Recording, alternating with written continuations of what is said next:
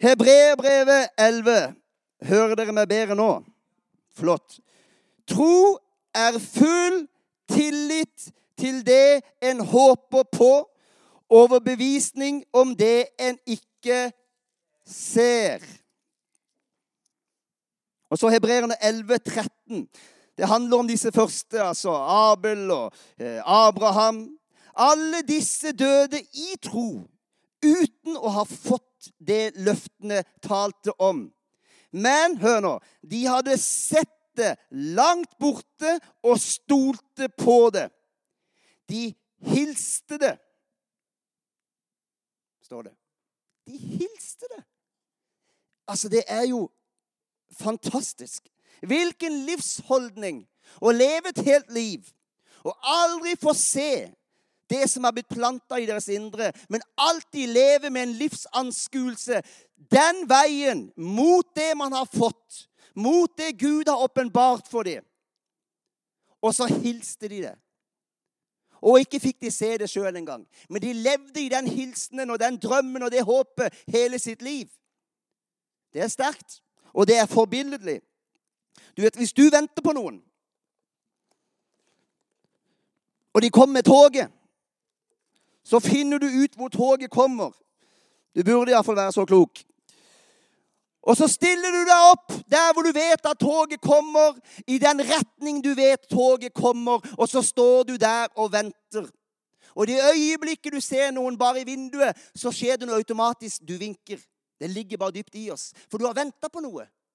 Eller noen er på fjelltur, og du venter på at de skal komme ned fra fjellet. Så står du vendt mot fjellet, og automatisk, når du ser dem, så vinker du. Jeg gjør iallfall det. Du hilser jo ikke folk med ryggen til. Går det bra, Bjørn? Går det fint?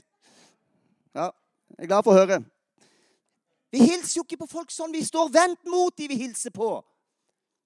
Og hvis vi hilser, ikke med ryggen til, men om vi hilser litt på sida, så når vi kjører bil av og til, eller man går forbi noen, så gjør man bare sånn, så er det et sikkert tegn på at det er ikke noen du venter på. Det er ikke noen du har tenkt å invitere hjem. Det er ikke noen som betyr veldig mye for deg når du vinker sånn, gjerne med blikket den veien. Da føler du bare at du må. Men det å leve sånn som disse, med blikket vendt mot åpenbaring de har fått, og vinke det velkommen det er noe voldsomt sterkt som vi skal lære av de gamle gutta. De levde fremovervendt, ikke tilbakeskuende. Hva har du lyst til? Leve fremovervendt eller tilbakeskuende? Hva er mest salig? Jeg kan si deg en ting at hvis du lever bakovervendt, så er det ikke én her i denne salen som eh, ikke har nok av fiaskoer og nok av tabber og nok av sår og nok av ting de angrer på og skjems over. Og Om det ikke er ting du ikke har delt med noen, så vet du veldig godt med deg sjøl både hva du har tenkt, og hva du kan, og hva du kan finne på og ikke finne på. Så det er ikke noen gangbar vei for noen av oss. Han har kjøpt oss fri fra det der. De hadde fått noe åpenbart. De levde ut ifra det som Herren hadde talt til dem og vist dem. Både blikket deres og hele kroppsspråket, hele livsholdninga var vendt fremover. Men hør, nummer én Disse kom aldri inn i det som de hadde fått sett. Men vi er så privilegerte. Vi har nummer én. Vi har sett ham. Guds sønn, Jesus Kristus. Nummer to, vi har ikke bare sett ham, men vi har fått tatt imot ham. Vi er blitt kjøpt fri fra døden, rettferdiggjort og rensa ved hans blod. Det fikk de ikke oppleve, de gamle apostlene eller profetene. Å, du er i en særstilling. Allikevel så må vi leve på samme vis som disse gamle gutta fra Gammeltestamentet, med blikket festa på ham. Hebreerne 12,1. Derfor, når vi har så stor, stor en sky av vitne omkring oss, så la oss legge av alt som tynger, og synden som så lett fanger oss inn. Og med utholdenhet fullføre det løpet som ligger foran oss. Så kommer det. Med blikket festa på ham som er troens opphavsmann og fullender, Jesus. For å få den gleden han hadde i vente, holdt han ut på korset uten å bry seg om skammen. Og nå har han satt seg på høyre side av Guds trone. Ja, tenk på ham som holdt ut en slik motstand fra syndere, så dere ikke blir trette og motløse. Så dere ikke blir trette og motløse, med blikket festa på ham. Hvor lett står ikke vi mennesker opp? Om ikke alle dager, så nok dager. Hvor vi hilser på oss sjøl tidlig på morgenen i det grelle baderomslyset. Med de stadig eldrende, trøtte trynet vårt. Det er jo sånn det Det er livets gang. Det må vi tåle. Vi må være, ingen av oss ser veldig bra ut om morgenen. Noen er verre enn andre. Ikke sant, Miriam? Noen ser ut som de har ligget med åpen munn og hatt en hårføner som har blåst opp hele, hele fjeset. Men det er nå så. Men, men, men, det er ikke bare det. Det er nå greit. Det er livets gang. Det må vi tåle. Men du, så lett vi også hilser når vi ser oss i speilet på morgenen, på alle livets nederlag, alt som ikke ble som vi drømte om, med skammen over egne svakheter og tilbøyeligheter friskt i minne. Det ligger for oss. Det er helt naturlig. Vi gjør det nesten automatisk altfor lett hvis vi ikke er våkne. Hvis vi ikke kjenner en annen sannhet som får lov å overstyre det menneskelige. For det kommer. Og hvis ikke du har det åpenbart at det er noe du må ta tak i kontinuerlig, så kommer dette helt av seg sjøl. For de aller fleste. Fordi vi får det jo ikke til. Og istedenfor å hilse på ham om morgenen, så hilser vi så lett på mindreverdigheten, mismotet, misnøyen, utilstrekkeligheten vår, bekymringen vår og uroen vår. Vet du hva vi skulle gjort? Det så jeg levende for meg. Vi skulle få tak i et sånt Jesus-klistremerke. Et ordentlig fint et av fjeset til Jesus, men det var gjennomsiktig. Så kunne vi henge det på speilet. Så når du står opp om morgenen, så stirrer du både inn i Jesu fjes, men også ditt eget fjes bak Jesu fjes. Og det var det du sa. Det hadde vært noe. Så kan du si hei til oss. Hei oss. For han bor i det. Det er ikke hei meg, det er hei oss. Så fin du er, kan du si. Så får du skeile litt med det ene øynet hvis ikke du er fornøyd med deg sjøl, for det at Jesus er iallfall flott. Og da blir du flott. Det er et nådefullt og kjærlig ansikt å våkne opp til. Kanskje vil du streve litt mindre da. Hvem er Geir? Han er så meget, kan jeg fortelle deg. Men først og fremst, over alt annet, så er jeg en ny skapning. Rettferdiggjort, helliggjort, skjult i Kristus. Da er det jo håp, da. Til og med for deg, Roald. Vanskelig å forstå, men det er sant. Det er håp for meg, og det er håp for deg. Og jeg er mer enn alt annet jeg kan være, så er jeg hans. Og du er kalt til et liv mye sterkere og mye høyere enn å leve i skyggen av nederlag og mismot og skam. Hør! Djevelen vil ha deg til å oppsøke din egen grav. Og nå våkner du. Hva er det du sier? Han vil at du skal oppsøke din egen grav og ta med blomster og stelle gravplassen din. Det er det han vil. Han vil ta deg med, så du kan stå der med bøyd hode og kikke ned i din egen grav mens han sier 'Glem nå aldri det og det og det'. Det er bare én ting. Hva er det med den graven? Der ligger ikke du. Der ligger bare de gamle klærne dine fra det syndige mennesket. De ligger der i en haug på bunnen. Og det er alt djevelen har igjen. Det er ingenting, det. Men igjen og igjen så lurer han deg og lar han deg stå på kanten av din egen grav og, og kikke ned på all elendigheten og alt som har vært. Så holder han på. Der er han god, altså. Der er han veldig smart. Men kanskje du neste gang skal si Hva står vi og kikker ned på her? Den er jo tom! For du er oppstått med Kristus. Det gamle livet er forbi.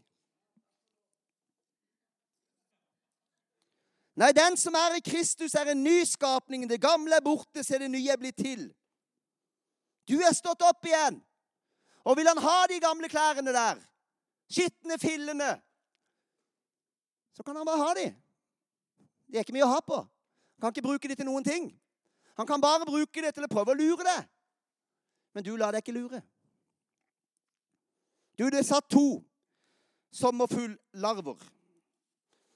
De satt sånn på, på en gren og prata. De satt på halen, du må se det for deg, altså med kroppen rett opp og øynene sånn. Satt mot hverandre sånn og prata. Og så kommer det en vakker sommerfugl flyvende forbi. Og de kikker der på hverandre, og så ser de denne fuglen, og så følger de den fuglen. Den var så vakker. Den var så fri. Og så sier den ene til den andre Det der, det hadde aldri jeg turt. Sommerfugllarver. Lite ante de, der de satt på greina si, at de var skapt for noe langt mer enn å bare forbli sommerfugllarver. Du er kalt, og du er utrusta til langt mer enn dette jordiske livet. Hør nå. Du er ikke hva du evner å gjøre av rett og galt. Får du med deg hva jeg sier nå? Dette er viktig. Du er ikke hva du evner å tenke om negative ting. Du er heller ikke ut ifra hvor positiv og sterk du kan lære deg å bli. Dine svakheter og dine tilbøyeligheter, ja, til og med dine styrker, dine gode gaver, det har du òg. De gode kvalitetene er ikke det som definerer hvem du er. Ja, du synder, du faller, men Herren kaller deg ikke først og fremst en synder. Gjør han det? Nei, det gjør han ikke. Han definerer det heller ikke ut fra hvor flink du er. Ingenting av dette ligger til grunn for hans definasjon av hvem du er. Beklager å si det. Godt for deg som alltid faller, og kjedelig for deg som føler deg flink. Ingen av delene hjelper. Du er først og fremst hans elskede barn, frelst av bare nåde. Efeserne 2. Du er først og fremst en nyskapning, skjult i Kristus på grunn av Jesu nåde på korset. Du er rettferdiggjort alene og utelukkende gjennom hans blod. Du er blitt gjort fullkommen gjennom hans død og hans substans og ingenting annet. Så skal du vokse, og så skal du være flink, og så skal du det ene og så skal du det andre. Men det endrer ingenting av det faktum at fra dag til dag så er det bare Hans nåde som bærer det. Og på bakgrunn av alt dette og ingenting annet så er du kalt til et overnaturlig liv. Til og med et overnaturlig liv som ikke er begrensa av fysikk og naturlover. Skal vi rundt og fly nå? Skal vi gå på vannet, som Peter nå? Hva tenker du på, Geir? Nei, når vi ber for syke. Og folk blir syke, da er vi over. Alt hva vitenskapen kan forklare. Vi er kalt til å leve et overnaturlig liv, til og med utenfor fysikkens grenser. Wow, det er spennende. Peter fikk jo gå på vannet. Matteus 14. Hør, alle i den båten der, alle disiplene, de kunne ha reist seg opp og henvendt seg til Jesus. Alle kunne stilt, det samme spørsmålet som bare én av de gjorde. Peter. Om det er deg, så be meg om å komme ut på vannet til deg. Alle kunne gjort det, men de andre gjorde det ikke. Altså, Peter visste veldig godt at han hadde både løye og han hadde banna, han hadde sveket. Og menneskelig sett så burde han blitt sittende. For det hadde du gjort, og det hadde jeg gjort. For vi hadde jo kjent litt på det. Være så frimodig så, så tidlig etter sånne kraftige fall. Men Peter hadde noe i seg som var litt annerledes. Jeg tror det kom noe over Peter, en åpenbaring av at i Jesu kraft, på hans befaling, så kunne han også gjøre det umulige. Har du lyst til å kunne gjøre det umulige? Det er bare Roald. To stykker som har lyst til å gjøre det umulige. Hvis det er umulig for deg å få reist den hånda, så begynn der, da. Så har du gjort det umulige. Det som er umulig for deg. Første skritt på veien. Neste gang reiser du to hender. Og så reiser du til Afrika i tredje omgang. Det var noe med den stunda der hvor han faktisk reiste seg opp, og de andre gjorde det ikke. Hvor han plutselig en, en liten stakket stund, er det det heter. Han så ikke først og fremst seg sjøl. Han så bare han. Altså, Det er helt umulig å reise seg opp og spørre om å få lov å gå på vannet hvis du så mye som i et brøkdel av sekund har blikket vendt på deg sjøl. Aldri i livet! Han har vært fisker hele sitt liv. Tror du ikke han visste om mange mennesker som hadde mista livet på sjøen? Fordi de hadde reist seg opp i båten, fordi de hadde gått over dørken. Ble aldri funnet igjen. De var fiskere. Nok av dødsfall. Han visste godt det var en umulighet. Men det kom noe over han, en åpenbaring av Jesus Kristus, hvor han skjønte at det her handler ingenting om meg. Jeg har overhodet ikke kvalifisert meg med mine feil og mine mangler og mitt svik. Langt ifra. Jeg tror nærmest han på et vis han glemte seg sjøl bort et øyeblikk der. Det var ikke tid for han til å reflektere gjennom alt og kjenne etter om han var verdig, og om det var tid for det nå. Det var bare noe som tok han. Og sånn er Jesus. Og Sånn kan du respondere på Jesus. Eller du kan sitte der og tenke jeg tror det blir bedre om en uke eller to når jeg har kommet litt mer, fått litt mer på stell. Når jeg har fått orden på det og orden på det, ja, så skal jeg komme Jesus. Jesus er over alt det der. Bare la han bli så stor for deg at du du bare hiver deg utpå. Henger du med i dag? Jesus var jo på vei mot dem. Det står det. I den fjerde nattevakt kom han til dem, står det, gående på vannet. Og det er klart, De sitter jo der i båten, og det er eh, mørkt, tror jeg. Og det er vind og motvind og bølger. Og så kommer han gående mot dem. Det hadde vært veldig naturlig å vente til han kom helt frem og gikk om bord i båten. For han var tross alt allerede på vei til dem.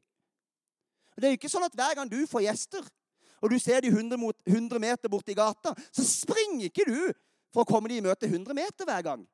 Og skal følge de de siste 100 meterne. Du venter til de kommer inn. Så det var ikke sånn sett så veldig unaturlig av de andre disiplene å vente litt. For de så han var på vei mot dem. Men det var noe med Peter. Han kunne ikke vente. Han skjønte han kom til å komme om bord i båten, men han kunne ikke vente. Hør! Nå skal jeg si noe som jeg tror er til noen, faktisk. Det tror jeg det meste er. De andre de var nok, de var betraktende, de var forbausa over hva den mannen kunne gjøre. Og de ønska at han skulle komme om bord, så de kunne kjenne på tryggheten med Jesus om bord. Jeg mener, Kunne han gå på vannet, så kunne han sannelig få de bølgene til å uh, stilnes ned og vinden til å snu. Nøy deg ikke bare med å leve med Jesus som en forsikring i livet. Hørte du det? Mens du på en måte undrer deg over alt han kan gjøre, og alt han gjør gjennom andre, og alt han gjør på misjon. Mens du egentlig bare trenger trygghet. Du sitter i båten din, og du vet han kommer til deg. Og det eneste du er opptatt av, er at jeg trenger trygghet. Ja, han vil gi deg trygghet i bøtter og spann. Han vil gi deg indre ro og fred i bøtter og spann.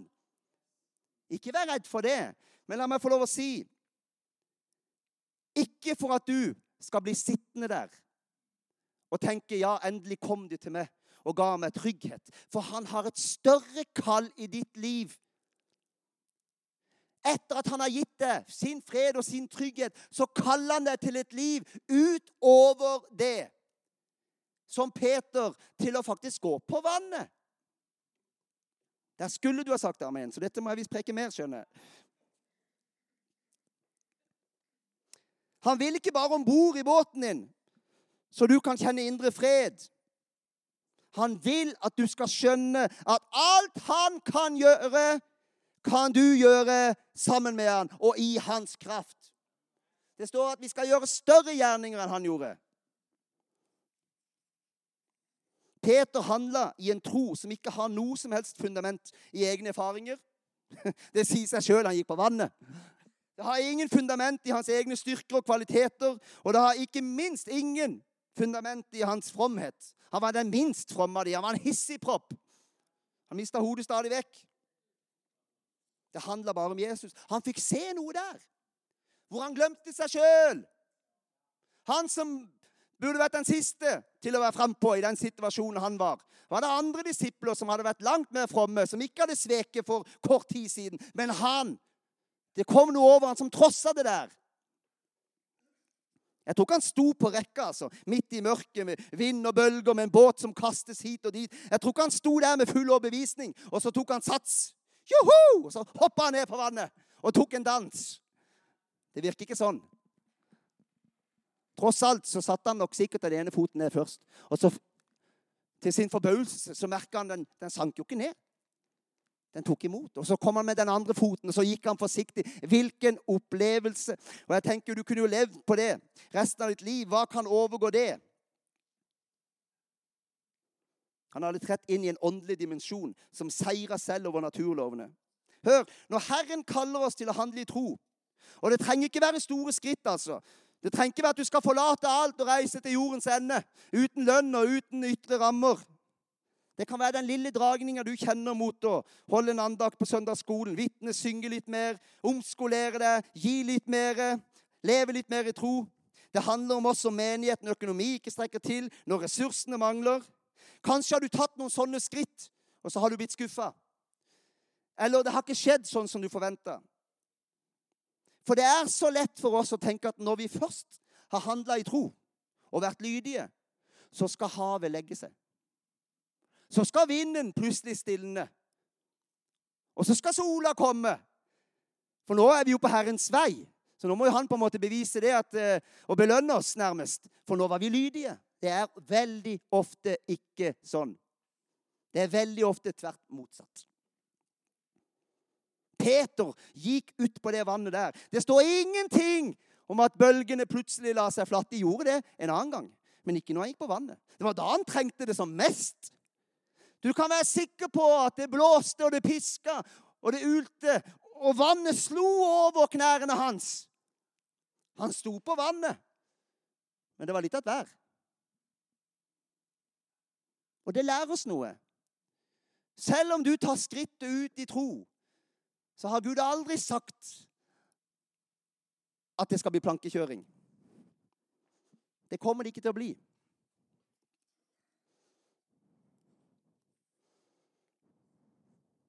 skal hoppe over litt. Kampene vil tilta. Motstanden vil kastes på deg. Personlige runder med deg sjøl kommer. Ting du ikke har kjempa med på lenge, dukker opp igjen. Ting du trodde du var ferdig med, dukker opp igjen.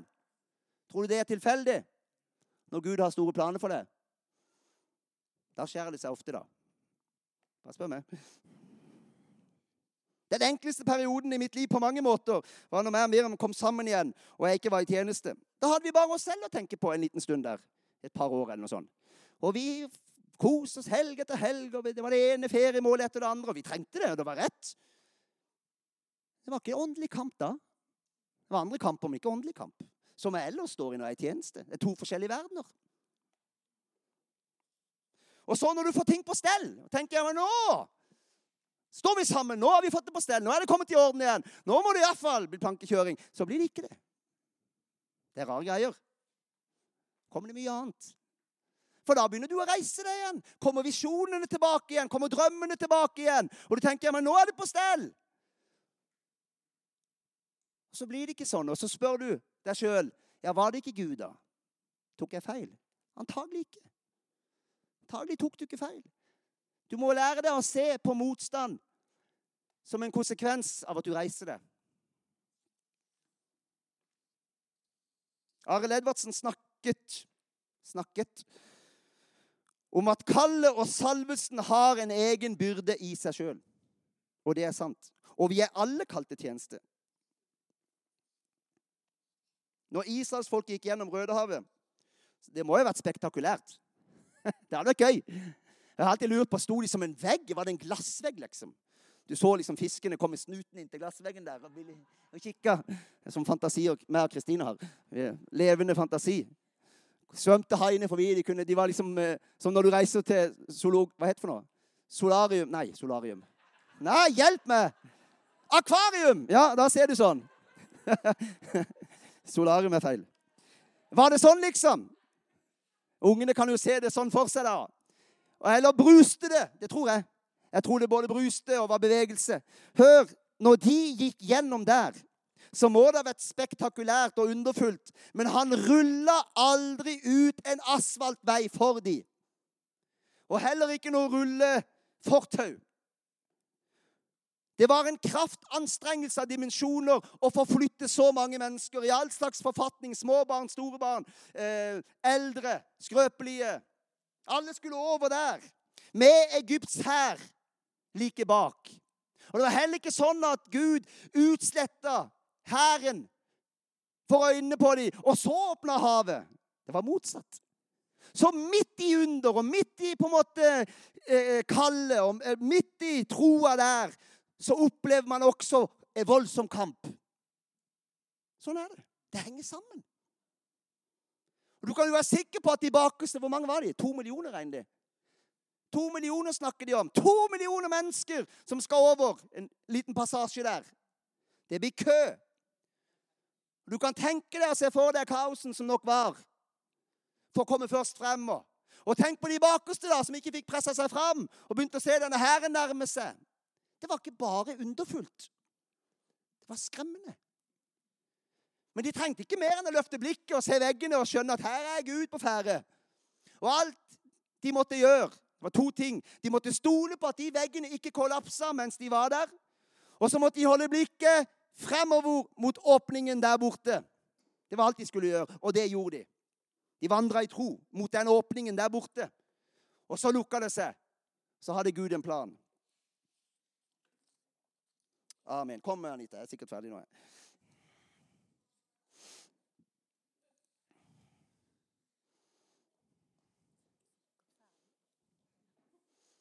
De fikk problemer i ørkenen òg, israelittene, med dødelige slanger. Det vet du. Og så tenker jeg, kunne ikke du, Herren, kunne du ikke bare fjerna de slangene, da? Kunne du ikke bare drept de slangene? Kunne du ikke leda de et annet sted? Og det var nettopp det de gikk til Moses og spurte. Moses, gå og be til Gud om at han kan ta bort slangene. Var det det som skjedde? Han tok ikke bort slangene. Men han ga dem en løsning om å se på kopperslangen på pinnen. Og det står 'når de ble bitt', står det. Det er viktig. Der er det noe som er likt den dag i dag. Livet, det biter oss. Men vi har et kors å se til. Og de ble bitt. Han tok ikke bort. De ble bitt, men det var en løsning.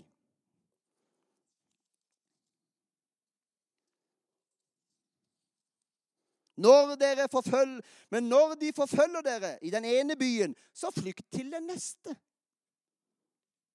Han sa ikke at når noen planlegger å forfølge dere, så slapp helt av. Jeg skal holde de borte fra dere. Sa ikke det heller. Han sa når dere forfølges. Når dere stilles fram for domstolene, så bekymrer dere ikke for hva dere skal si, for det skal bli gitt dere i samme stund av Den hellige ånd.